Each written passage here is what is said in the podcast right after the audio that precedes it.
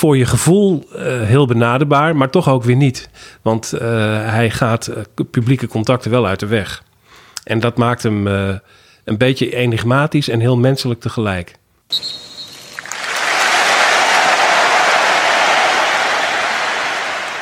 Vroeger was ik hem met voetbal. Ik was Frank Rijkaard. Ik zei toen nog Frank en geen Frank. Dat kwam pas later.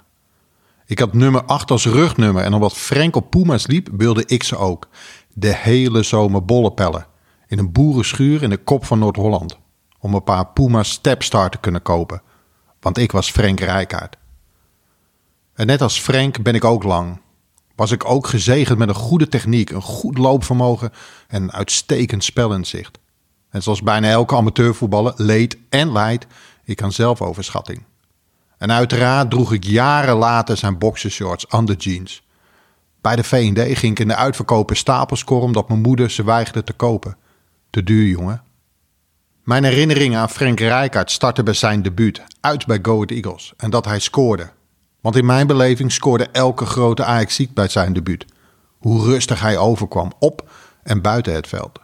Het dubbele contract met PSV in de stereotoren, mij maakt het niet uit. Zijn breuk met Kruif deed alleen maar mijn bewondering toenemen. En hoewel ik Kruif-adept ben, was Frank de enige die blijkbaar weerstand durfde en kon geven. Hoe hij naar Sporting vertrok. Plotseling gemist zijn periode bij Zaragoza. En daarna het trotse gevoel van zijn transfer naar AC Milan. Als hij dan toch bij een andere club dan Ajax moest spelen, dan maar bij de toen beste club van de wereld op sportief gebied. Het spuugincident met Vullen, zo kende ik hem niet. Ongetwijfeld moet hij getergd zijn geweest.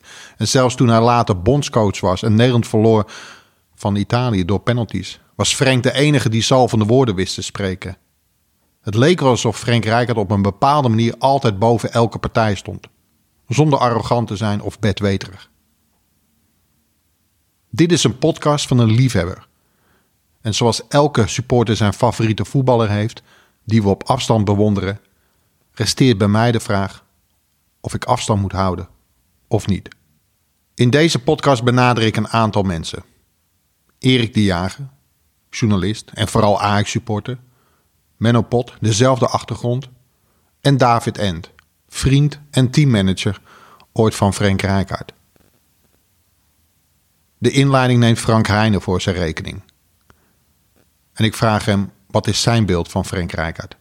Nou, als eerste schiet me iets binnen, dan kom je dus weer op zo'n detail dat, uh, uh, dat misschien heel particulier is, omdat uh, dat het echt alleen mijn herinnering is. Dat, dat toen Rijkaard terugkwam naar Ajax, dat was in de zomer van 94, denk ik. toen had David Ent net een boekje, of boekje, boek geschreven, De Godenzonen van Ajax. En dat kwam die signeren in Boekhandel Los. Ik, ik woonde in, in de Hilversumse bij Bussum. En Boekhandel Los in Bussum zou David Ent komen signeren op een avond. En hij zou twee Ajax-spelers meenemen. En, het gerucht ging bij ons op school dat dat Rijkaard zou zijn. En Rijkaard was toch wel de... Uh, nou ja, goed, iedereen was daarmee bezig. Ik was acht.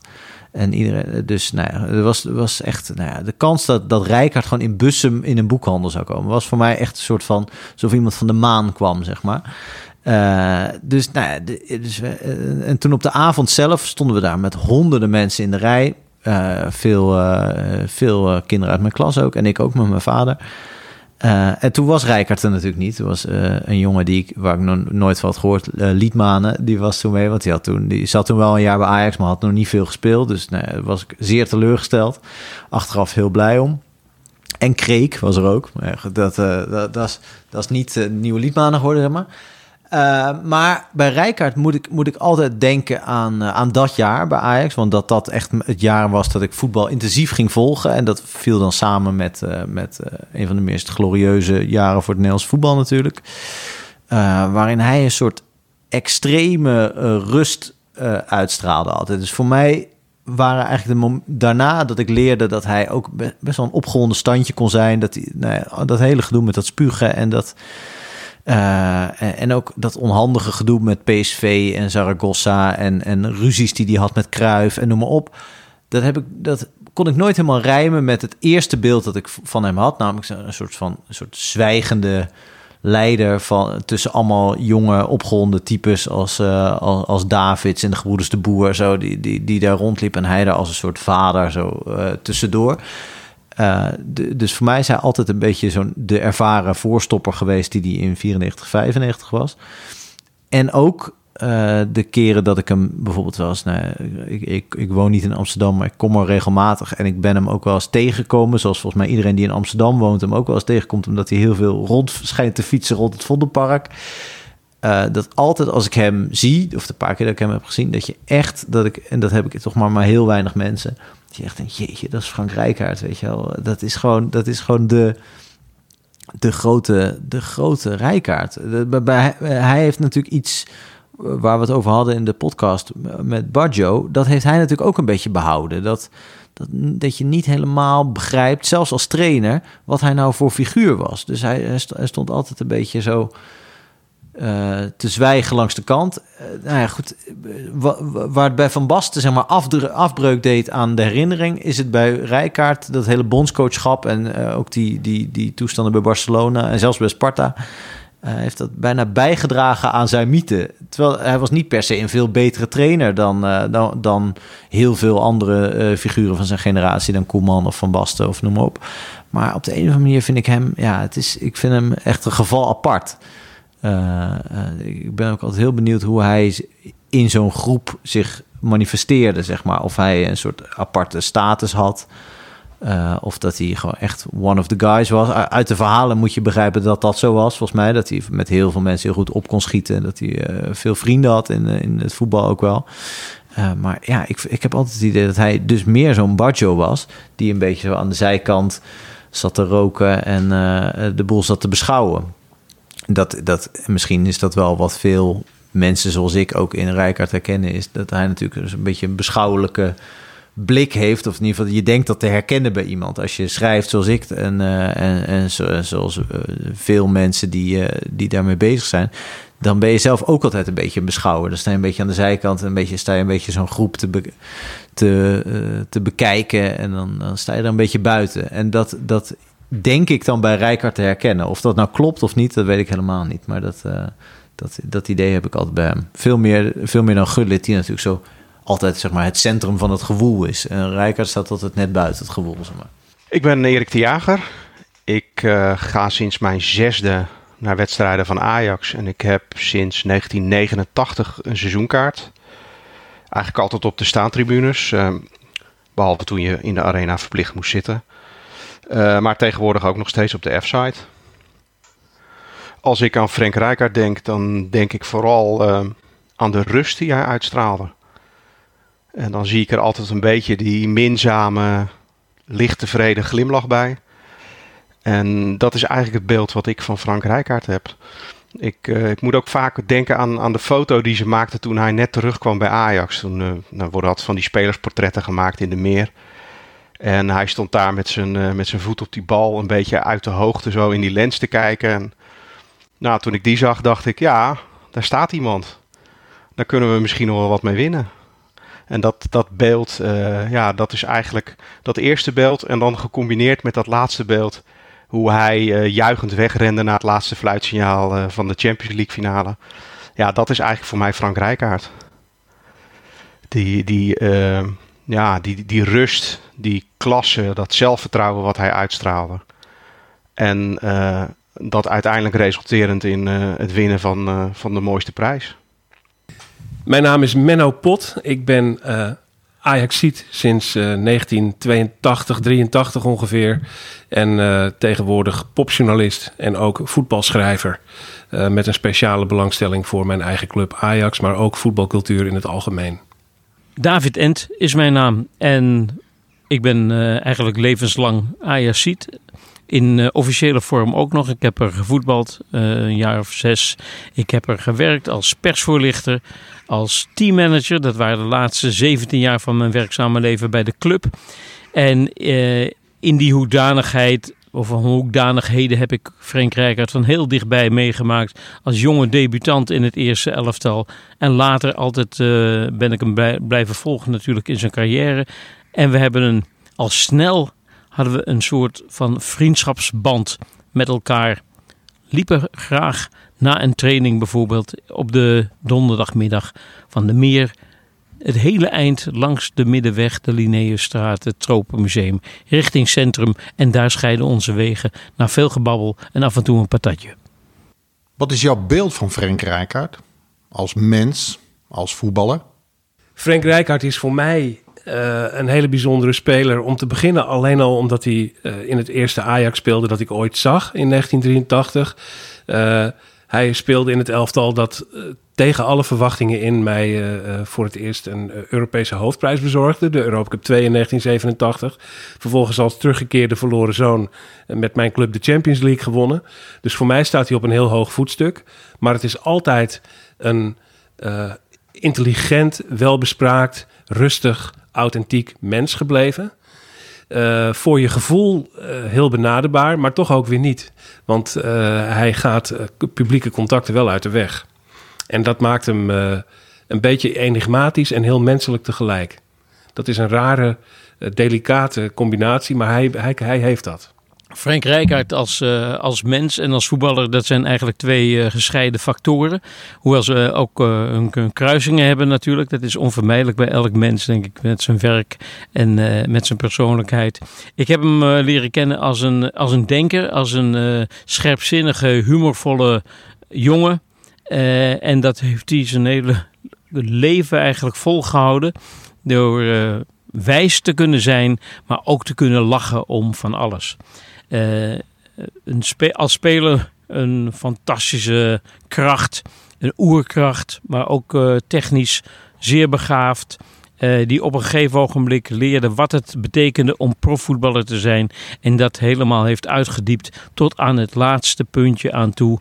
Laten we zeggen als eindpunt houden we dan maar Wenen 1995 vast. Daartussen zit een enorme schakering van momenten van hoogtepunten, af en toe dieptepunten op menselijk en voetbalvlak.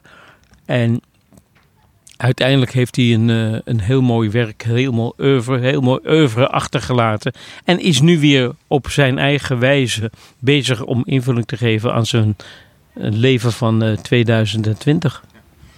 Eh, het, het, is natuurlijk een complete voetballer, want het, hij, hij kon verdedigen, hij kon aanvallen, hij kon het hele veld bestrijken.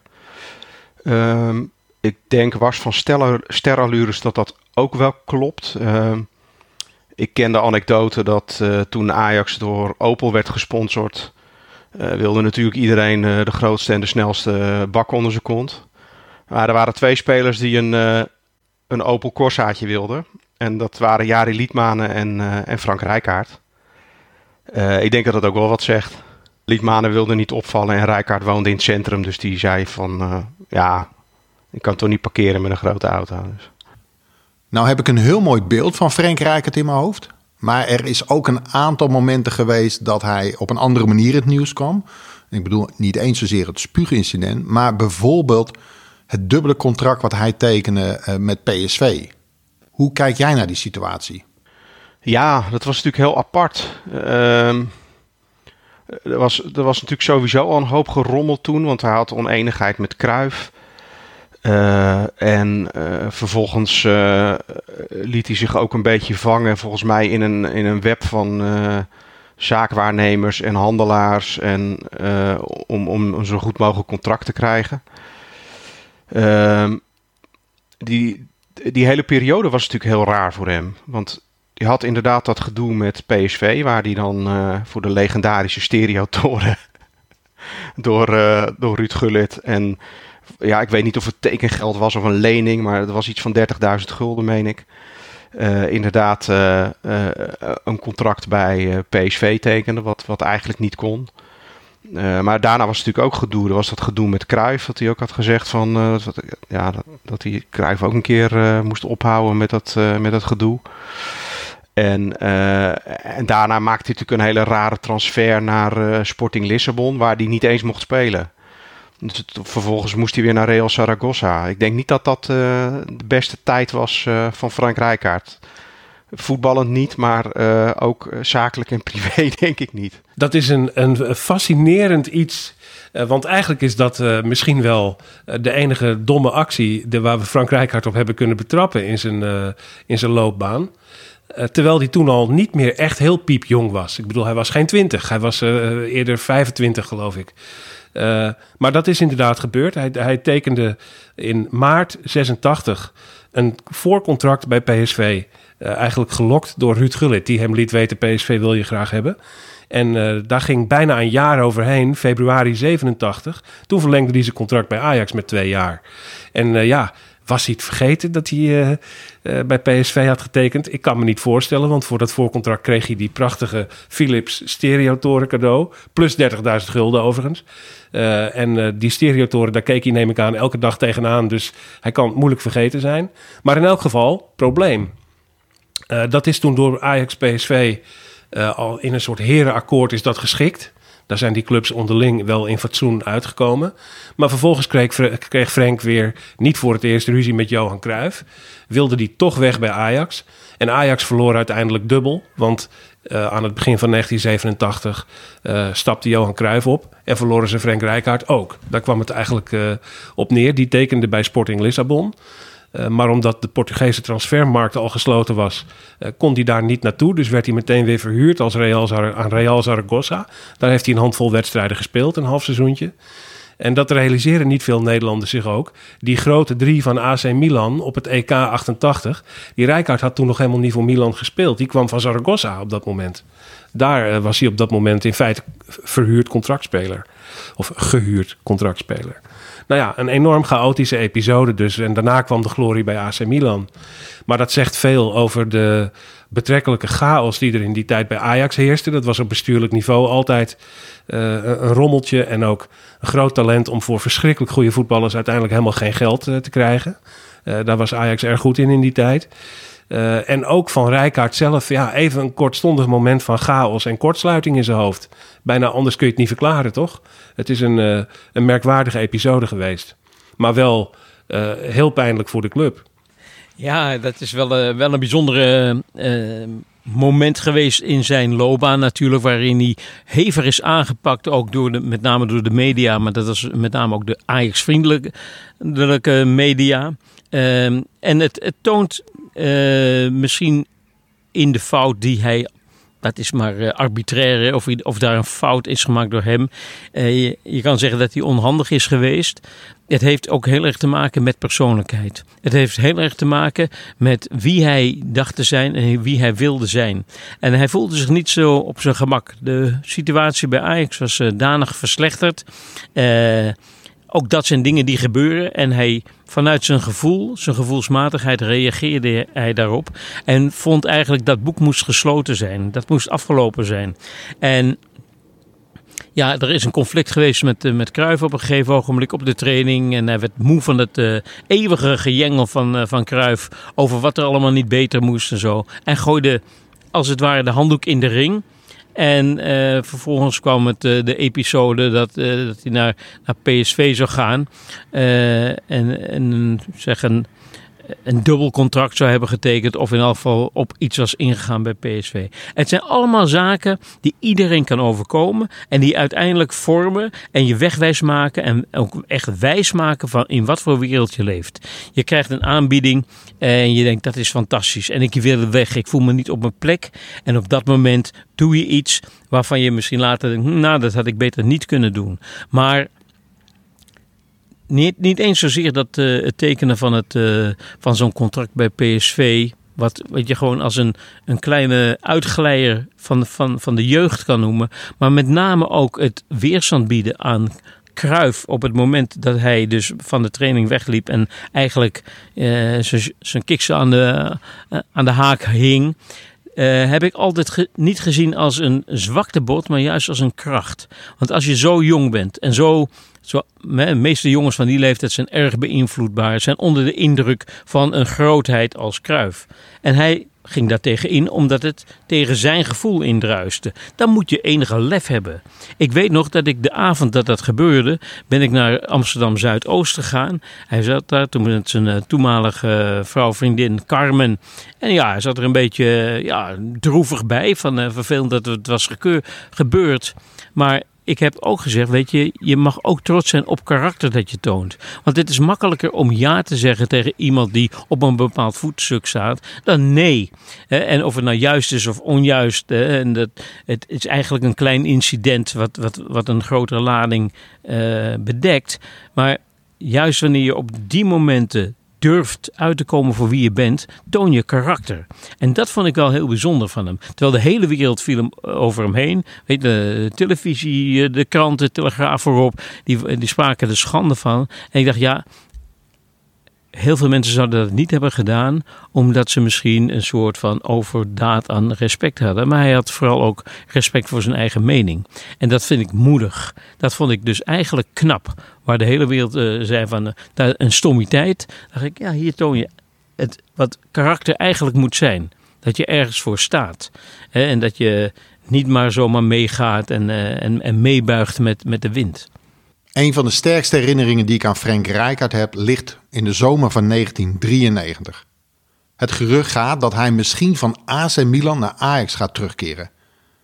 Alleen als Ajax-supporter word je elke zomer geconfronteerd met dit soort geruchten en elke keer word je teleurgesteld. Frank zou nooit komen. Anderleg was voor hem in de race. En wat als hij daar naartoe zou gaan?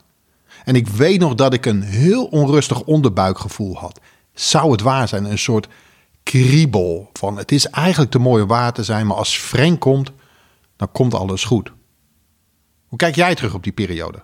Nou, ik voelde, ik voelde ook die opwinding. Ehm, dat weet ik nog wel.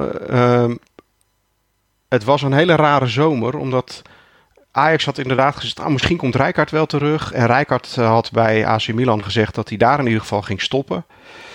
Ehm, dus eigenlijk ging iedereen een beetje vanuit, nou dan komt hij terug naar Ajax.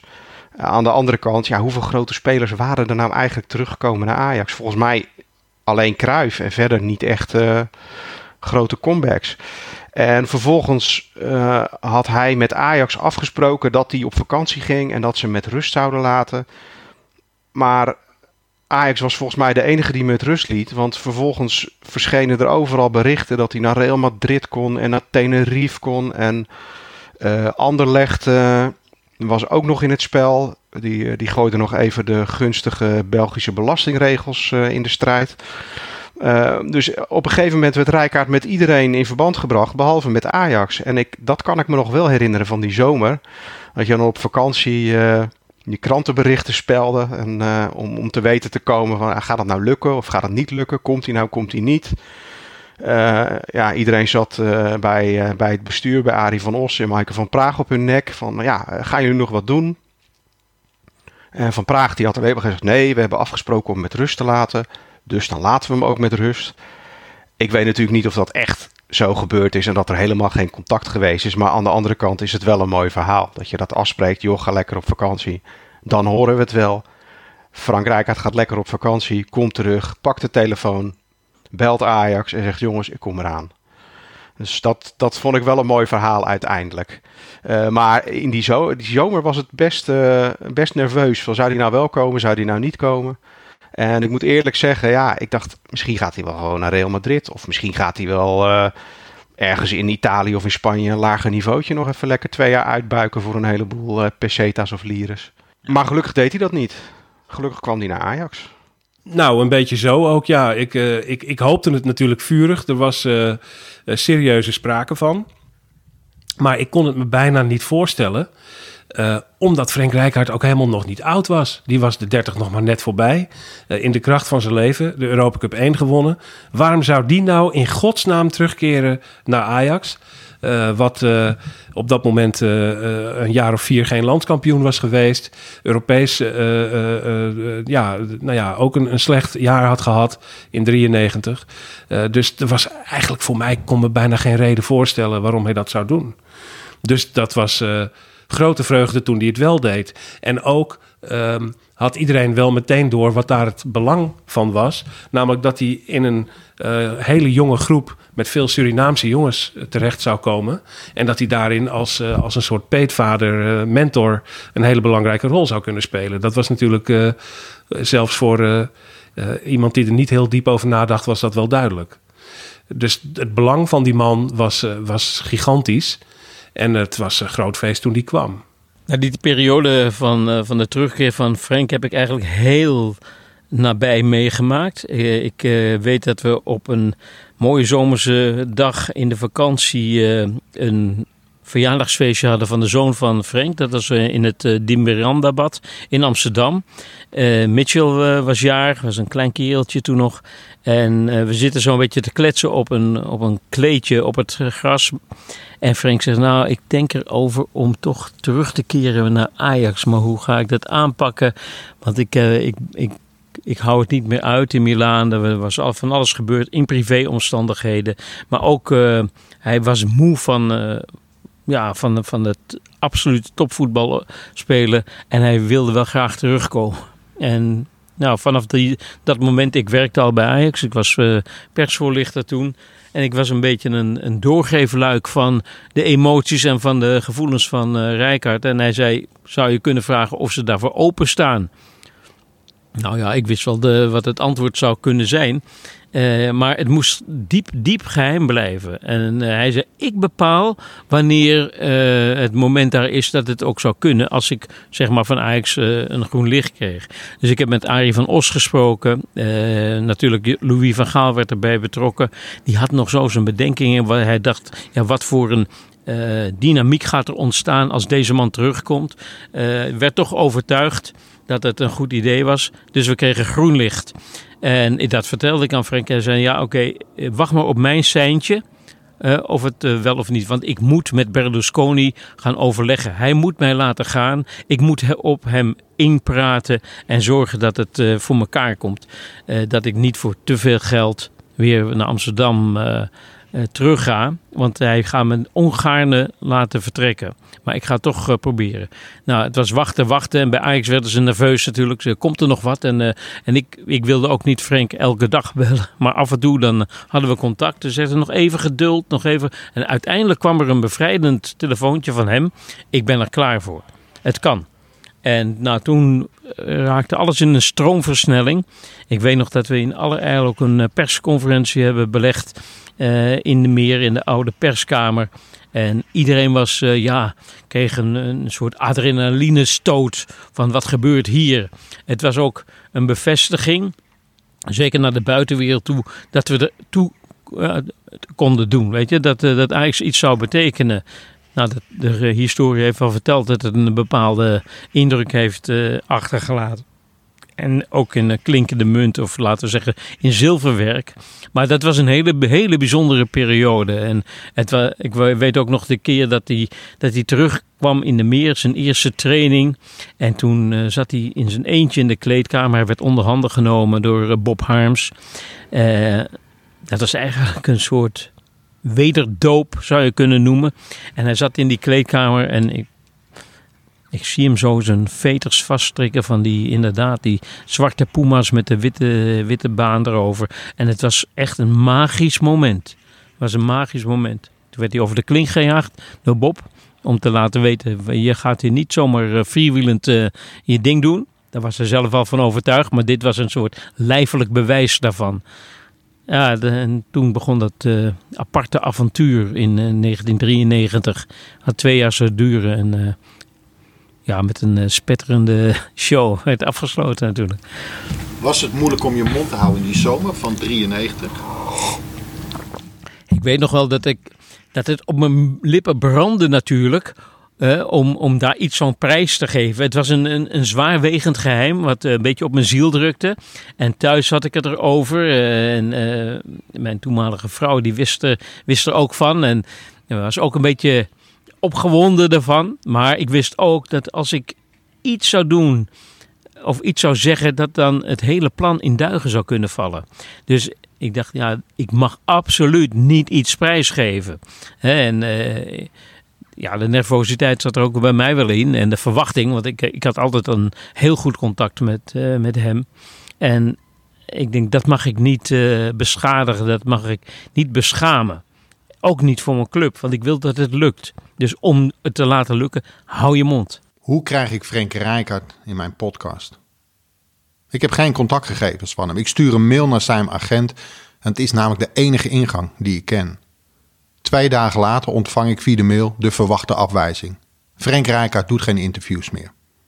Op televisie zie ik hem soms bij het sportjournaal als er een kruifpleintje geopend wordt. Ik zie hem iets met Ruud Gullit bij DWS doen. Ik zie hem de onthulling doen van het standbeeld van Kruif bij de Arena. En elke keer valt hem op hoe prettig zijn woordenschat klinkt. Hoe rustig, evenwichtig hij overkomt. Hoe benader ik Frank Rijkaard? Nou ja, als ik iemand uh, te pakken wil krijgen, dan, uh, dan zijn er eigenlijk twee manieren. Of je probeert uh, contactgegevens te krijgen, of je zoekt hem of haar op. Dus dat kun je met Frank Rijkaard natuurlijk ook doen. Je kunt, nou ja, je kunt inderdaad via David Ent proberen, de oude teammanager van Ajax. Je zou het via zijn zaakwaarnemer kunnen proberen, Perry Overheem. Uh, ja, ik heb van allebei het telefoonnummer voor je, dus als je het wil hebben, kun je het proberen. Uh, je kunt natuurlijk ook gewoon kijken of je hem in de stad tegenkomt. Hij woont in Amsterdam. Hij fietst ook gewoon rond in Amsterdam, dus wie weet. Denk ik wel. Ik denk niet dat hij dan uh, met een zonnebril op uh, wegloopt en uit de hoogte gaat doen. En geen prijs stelt op menselijk contact. Dus dat, dat is denk ik misschien de enige manier waarop je een ongedwongen gesprekje met hem kan, kan voeren. Ik heb hem altijd in de media overigens ook heel plezierig gevonden. Het is duidelijk een, uh, een niet-media getraind iemand die zijn eigen woorden zoekt. En dat zijn niet zo heel veel voetballers die dat doen. Hij heeft zijn eigen gedachten die hij op zijn eigen manier verwoordt. En daar zit weinig filter tussen, volgens mij. Uh, weinig veiligheidsfilter van dingen die hij toch maar niet wil zeggen. Maar hij heeft altijd die rust en die waardigheid. En daarom zegt hij ook weer nooit iets geks eigenlijk. Maar het is iemand van het verstandige commentaar die je heel graag hoort praten. Hij heeft alleen niet zo'n hele grote behoefte aan praten, geloof ik. In mij schuilen twee soorten voetbalromantici. De ene blijft negen jaar oud, blijft twaalf jaar oud en is fan van Frank Rijkaard. En helden moeten op afstand blijven. Een poster aan de muur, hem op tv zien voetballen en meer niet. Misschien in het stadion, maar dat is het hem. Er schuilt ook een middelbare man in mij, een andere voetbalromanticus. En die denkt, als ik met Frank Rijkaard in Amsterdam-Zuid een kopje koffie ga drinken, dan weet ik zeker dat we goede vrienden gaan worden. We gaan nummers uitwisselen, we drinken uiteindelijk kopjes koffie, we praten over Louis Vergaal, over Kruif, over toenemende fysieke gebreken, we lachen veel om onze kinderen, hoe de opvoeding gaat over Puma's, Essex, rug nummer 8 of 17, want 1 en 7 is ook 8, over mooie shirts, kleedkamerhumor. En Frank en ik gaan één keer in de twee maanden afspreken. We drinken koffie, we praten een beetje bij. Hoe is het met jouw kinderen? Hoe is het met die van jou? Hoe is het met je knie? Doet je rug nog pijn? Dat soort zaken. Mijn vraag is: blijf ik die negenjarige jongen of word ik die 49-jarige romanticus die zijn dromen najaagt? Wat zou jij doen? Nou, ik, uh, ik heb geen problemen met afstand tussen, tussen voetballers en supporters. Want uh, uh, ja, ik, ik ga naar het voetbal voor mijn vrienden. En om mooie wedstrijden te zien. En ehm, ja, die spelers zorgen voor de mooie wedstrijden. En mijn vrienden komen op mijn verjaardag. En van mij, wat mij betreft hoeft dat niet door elkaar. Ik, ik hoop dat mijn vrienden niet het idee hebben, we gaan met een Ajax-shirt het veld in. En zo denk ik ook over die spelers. Ik denk, laat ze mooie dingen doen op het veld. Laat ze af en toe wat leuk zeggen. Maar ja, waarom zouden het toevallig goede vrienden van je zijn? Dat weet ik niet. Aan de andere kant um, vind ik ook dat als je de kans krijgt om een grote held te ontmoeten, zou ik het wel altijd doen dat hele verhaal van ja, dan, dan, gaat, de, dan gaat de mythe aan gort en uh, je kunt uh, beter je helden niet ontmoeten, want dan raak je al je illusies kwijt. Ik weet niet of dat zo is. Ik denk dat uh, je hebt denk ik een held niet alleen uh, vanwege zijn goede rechter of linkervoet. Of je hebt een held natuurlijk ook een beetje om, om zijn uitstraling. En in die uitstraling zit waarschijnlijk ook een deel van zijn karakter. Dus ik denk dat je dat wel aardig ingeschat hebt al. Dus als jij denkt uh, dat Frank Rijkaard en jij best een klik zouden kunnen hebben, nou, waarom zou je dat niet proberen? Dat is een hele interessante vraag en ook een, een, een hele delicate discussie. Want Uh, zeker als je kijkt naar de context van Ajax. Wij vinden het bij Ajax een fijn gevoel als jongens een beetje uh, uit ons eigen midden komen. Dat het Amsterdamse jongens van de straat en dat ze dichtbij zijn. Dat je ze in de, in de jeugd al hebt zien voetballen. Uh, aan, dat je aan de lijn hebt kunnen staan. Dat je ze langzaam groot hebt kunnen zien worden. En dat het gewoon in feite jongens van om de hoek zijn. dat, dat gevoel hebben Ajax-zieden graag. Aan de andere kant kunnen ze natuurlijk ook hard van hun voetstuk vallen als ze uh, niet zoveel te melden hebben, niet zo sympathiek zijn uh, of afbreuk aan hun eigen mythe doen door uh, ongelukkige functies na hun actieve voetbalcarrière. dat is een, dus ja, wat wil je eigenlijk? Van sommige mensen wil je een beetje dat de mythe in stand blijft en het enigma in stand blijft. Dat heb ik bij Frank Rijkaard wel, dat doet hij ook heel goed. Hij zorgt er eigenlijk voor dat hij geen krassen op kan lopen. Tegelijkertijd is Frank Rijkaard wel iemand die de intelligentie en de menselijke warmte heeft. Dat ik hem graag eens een keer zou spreken of in ieder geval zou, zou horen vertellen. Uh, dus ik kom daar niet helemaal uit. Ik heb er geen eenduidig antwoord op. Uh, ook op dat vlak zit Frank Rijkaard precies op een soort delicate grens voor mij. Ik denk dat je het veiligst bent als je toegeeft aan, aan de eerste. Dat je, dat heb ik, ik herken dat namelijk heel erg. Dat uh, wanneer je idolen hebt, mensen die je uh, bewondert. Als je daar dichterbij komt, heb je natuurlijk de kans dat je af en toe een rimpeltje ziet. En uh, de groeven in het gelaat en ook in het karakter. Daar zou ik ook niet zo bang voor zijn om, om dat te onderkennen. Maar het kan een hoop wegnemen van je idealisme, van je, van je, van je dromen. Um, hou er ook rekening mee dat hij zeg maar bijna gierig is op zijn, zijn privacy dat hij het best aardig vindt om een klein babbeltje te hebben, maar niet heel snel uh, tot nieuwe vriendschappen komt en daar heel voorzichtig en, mee is. Uh, ik denk dat het het mooiste is om hem een beetje in de romantische sferen te houden. hoe leuk het ook zou kunnen zijn om een gesprek te hebben over uh, diepere krachten van, van het leven. Over de mystiek van het bestaan. Zulke soort dingen. Daar kan je heel goed over praten met hem. Maar je hebt ook kans dat, dat hij verveeld uh, is en dat hij denkt: hè, er is weer iemand die wat doet en die wat moet vooral. En uh, daar heb ik geen zin in, want ik heb zin om te leven zoals ik het zelf wil. Dus ik zou, ik zou mezelf beschermen daarin. Ik zou uh, de informatie tot me nemen die je hebt en die je krijgt. En daarbij het prachtige decor te hebben van alles wat je op jouw manier met hem hebt meegemaakt, zonder dat een van jullie dat ook wist.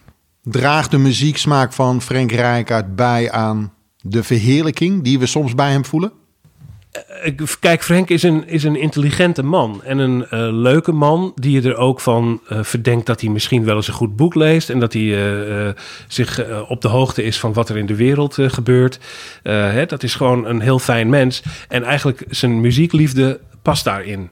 Dat hij uh, houdt van een soort muziek, namelijk alternatieve gitaarrock eigenlijk uit de jaren negentig, uh, die je uh, niet van een voetballer zou verwachten. Dat is, dat is een, een mooi beeld en dat is ook precies hoe we Frank Rijkaard zien. Dat hij anders is dan de gemiddelde voetballer.